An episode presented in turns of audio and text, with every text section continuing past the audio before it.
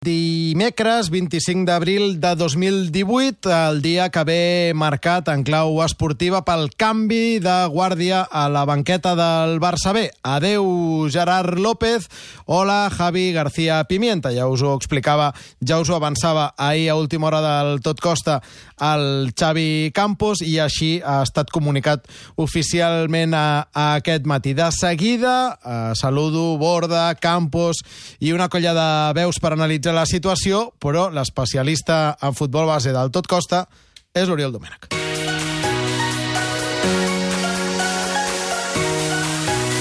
La Masia no es toca.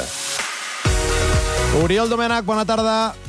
Bona tarda, Jordi. Amb l'Oriol en parlarem amb molta més calma divendres, el dia que la Masia toca, uh, però uh, avui uh, és interessant saber, així a cop calent, què t'ha semblat aquesta decisió que jo crec que tots plegats ja ens en sumàvem, sobretot des d'ahir la nit, però que fa la impressió que, que vaja, no, no sé si ens portarà gaire res, sobretot a la vista dels precedents.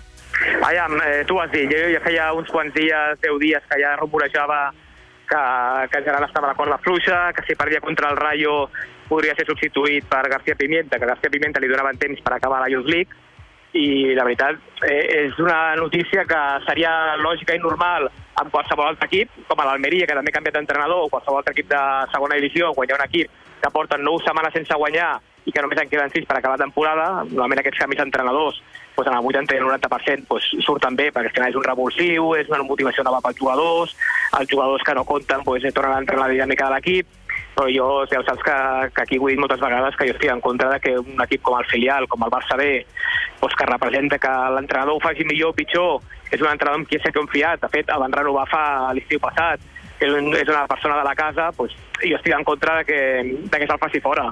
Jo crec que, aviam, que ja que estiu que acabar fins al final, potser l'any que ve sí procedia el canvi de García Pimenta per Gerard, però jo crec que ara, eh, amb independència que el filial pugui treure millors o pitjors resultats aquí a la temporada, que salvi o no, jo, jo era partidari de mantenir Gerard. Oriol, Oriol, Oriol, no hi ha Sí. gaire gent que conegui millor que tu García Pimienta. Li anirà bé? Home, aviam, eh, la pregunta és si és un bon entrenador, això segur. Si anirà bé, home, és complicat. Queden sis partits, el calendari tampoc no és fàcil, dissabte hi ha un partit molt complicat al camp de l'Almeria, després ha de jugar contra equips que estan a dalt. Jo que crec és que a llarg termini, a mitjà termini, el de era ben vell. Si preguntes a curt termini si salvarà no, no ho sé. Però ja, és un tècnic que ja porta, tot i ser jove, perquè l'any 74, eh, ja va començar a entrenar el 2001, vull dir que porta 20 anys entrenant, ha passat per totes les categories inferiors, coneix molt bé la casa, coneix molt bé el sistema, i per tant jo crec que és un entrenador idoni pel Barça B. Mm, De seguida escoltarem les eh, valoracions o les explicacions de Vaquero, de Guillermo Amor, eh, però no sé si, Oriol, t'han convençut, per, perquè això, la roda de premsa d'avui també ens ha servit per això, per saber quin pla tenen al cap per als últims graons de, del futbol eh, base. No sé si t'han convençut les explicacions de Vaquero i Amor en el sentit de la seva confiança en la gent jove de casa. Aviam, m'ha sortit una premsa en què han sortit molts números eh, sobre el, el percentatge de jugadors que estan al Barça B, que són de la cantera, que no. Jo ja vaig dir la setmana passada que crec que la filosofia de cada temporada que ve canviarà bastant, per dos motius. O sigui, pels mals resultats d'aquesta temporada del Barça B, pels bons eh, resultats del, del A, jo crec que aquest any, que ja, i l'any passat, que hi havia molta majoria de jugadors fitxats, jo crec que l'any que ve eh, hi haurà majoria de jugadors al planter.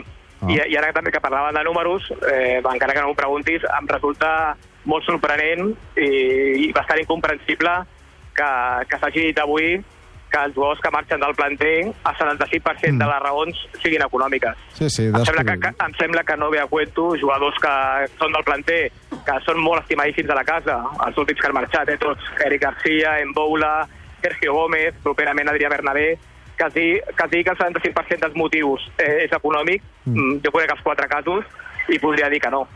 Sí, ha estat Que una... hi, ha, hi, ha, hi ha una part esportiva molt important.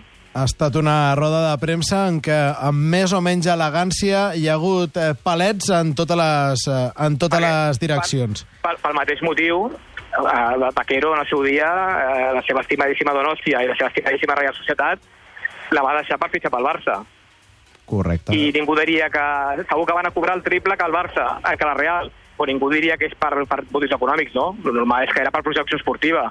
perquè el Barça, evidentment, va guanyar una Copa Europa i va guanyar quatre lligues. Doncs pues això és igual. Vull dir, el jugador que se'n va al Borussia Dortmund, que se'n va al Manchester City o que se'n va al Mónaco, també pot, tenir, pot pensar que la projecció esportiva serà millor, no? Sí, sí, eh, és una... Vaja, és una mica el, el peix que es mossega la, la cua. Els futbolistes diuen que no tenen oportunitats i el club que els futbolistes no tenen paciència i així anem fent. Ara, avui Vaquero, ara que està de moda posar-hi percentatges a tot, doncs ho ha quantificat, el 75%. Oriol, farem una cosa. Uh, avui tens uh, feina, divendres en parlem amb més calma i segurament amb una mica més de, de temps per reflexionar-ne, d'acord? Molt bé, perfecte, Jordi. Gràcies, Oriol.